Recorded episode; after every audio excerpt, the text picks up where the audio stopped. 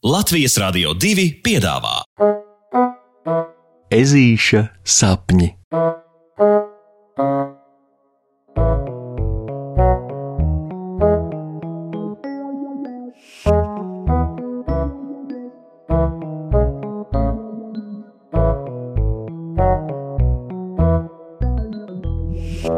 Ezītis atrod piķi.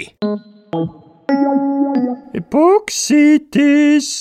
Gari nodudina vilcienu stacijas biļešu tantiņa aitiņa un iespiež ežulim rokās mazu papīra stērebelīti. Pirmais perons, piektais ceļš. Pi pirmais perons, piektais ceļš. Ho, pirmais perons, piektais ceļš? Nopietni! Pirmais perons, piektais ceļš! Puksītis netic pats ne savām ausīm, ne acīm, atkal un atkal uzlūkodams biļeti.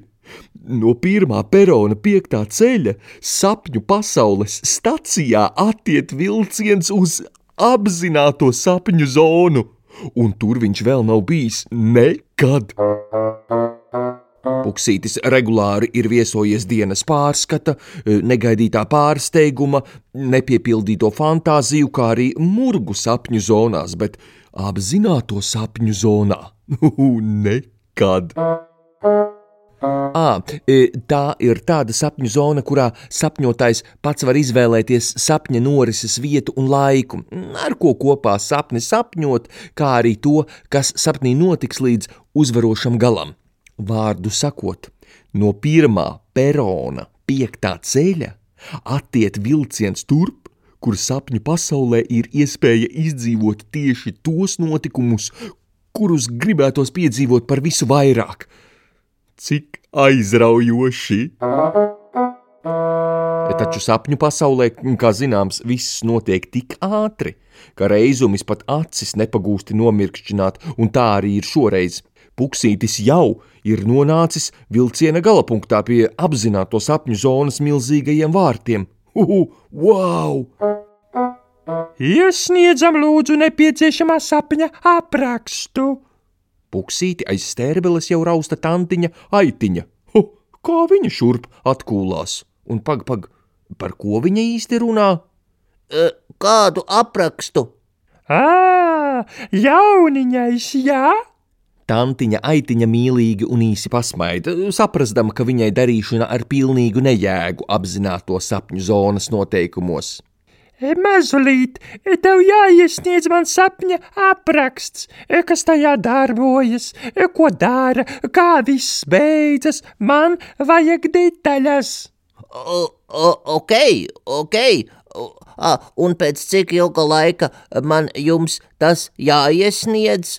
Nevainīgi prasa puksītis. Tagad, tagad! Negaidīti cieti noskalda tantiņa aitiņa, un pēkšņi ar vārdiem Vai arī mums būs jāsūta tevi uz kādu citu zonu? Sāk laika atskaiti.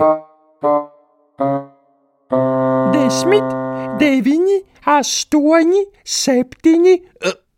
Ko, ko, ko, ko, ko paga? Bet puksītam taču vispirms jāapdomājas, jāizlemj, ko viņš grib piedzīvot, kā ar to tikt galā, ko par visu iegūt, ar ko kopā visu piedzīvot. Divi, viens, nu! Tantiņa aitiņa skatās uz puksīti stingrām acīm, tāpēc ežulim neatliek nekas cits, kā izspērt pār lūpām pirmo, kas nāk prātā. O, es gribu atrast piķi. Tavs vārds ir apzināto sapņu pasaules likums. Atkal mīlīgi nodudina tantiņa aitiņa, knipi sasizdama un itin nemaz neļauj puksītim aptvert, cik muļķīgu vēlmi tas ir izteicis. Nu, Gluži vienkārši ežulis lika priekšā tieši šo ideju, jo vakar skoliņā bija dzirdējis sarunu starp lācēnu Rokiju un Vāveri Matildi, kurā abi spriedelēja par to, ka būtu bezgalīgi forši atklāt mēleņu ieplakas mežā slepenu ālu, kurā glabājas mūžsani paslēpta lāde ar baigo piķi, nu, ar to domājot milzu naudu un bagātības. Jā, nu, sapnī puksītis gribētu piedzīvot, kā tas ir atrast to lielo piķi. Un tad varbūt eh, pēc sapnī redzētajām norādēm lielo bagātību varētu mēģināt atrast arī īstajā mežā. Taču pēc zibenīgas nokļūšanas aiz apzināto sapņu vārtiem puksīti gaida mērens pārsteigums, jo ežuļa priekšā pavaras bezgalīgs baltums.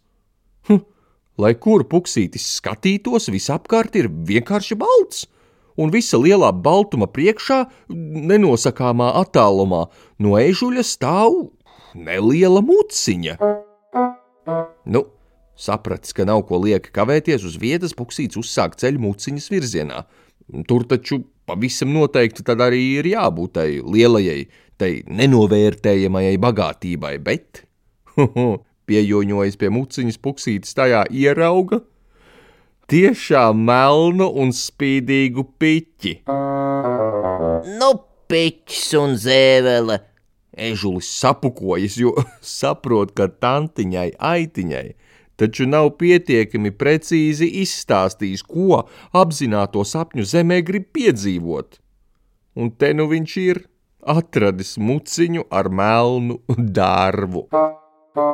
No vienas puses ezītis varētu dusmoties, bet viņš, bet viņš izlemj, ka no šīs pieredzes tas labāk paņems mācību un pie sevis pasmaida.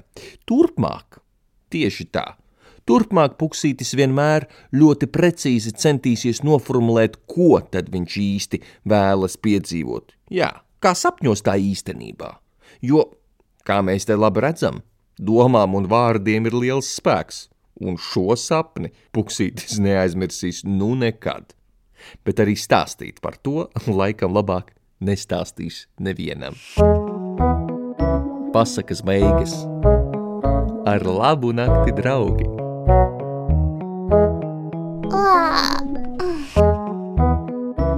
Saldus tev sapnīšus! Tiksimies pirmdien!